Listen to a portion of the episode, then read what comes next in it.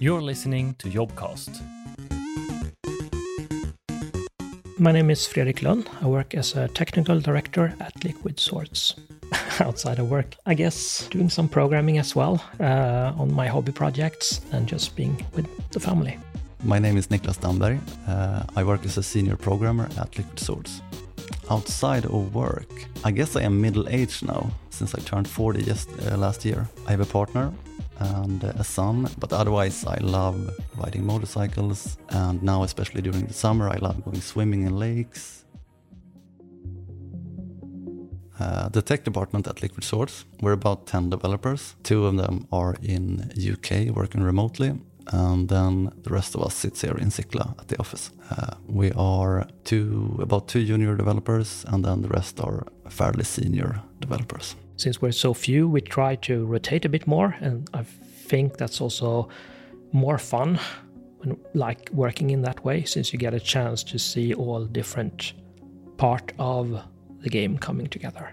Uh, the best part is it's a small startup. You you know the people, and still the people working here are pretty or very senior. They've been in the business for a long time, so we can be very efficient compared to when you're a lot of people and there's a lot of overhead with communicating.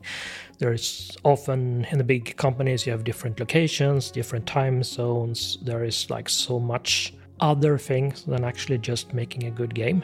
So I think one of the good things here is that you can focus on making a, a great game, a game you would like to play yourselves. It's generally what's fun with tech is like you have a challenge and then at some point it feels like it's you're never gonna solve this and then you work on it and then you actually solve it and that feeling when you manage to solve that problem that felt impossible just a few hours ago. That's awesome. So I think that's kind of yeah, what's what's fun with programming and be able to do something like really focused and feel that you step by step build something closer to that vision.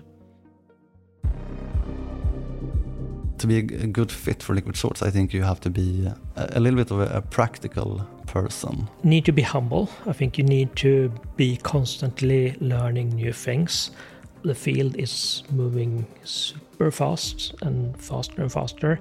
So you need to be able to realize there is more things to learn and take in feedback from everyone, even if you're really senior. I mean, i have been doing games for more than 20 years and I'm still learning every day.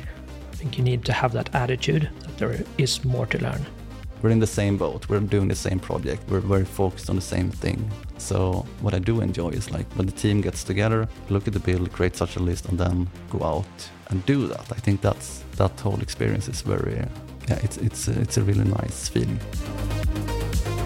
You should apply on our website and talk to our recruiters.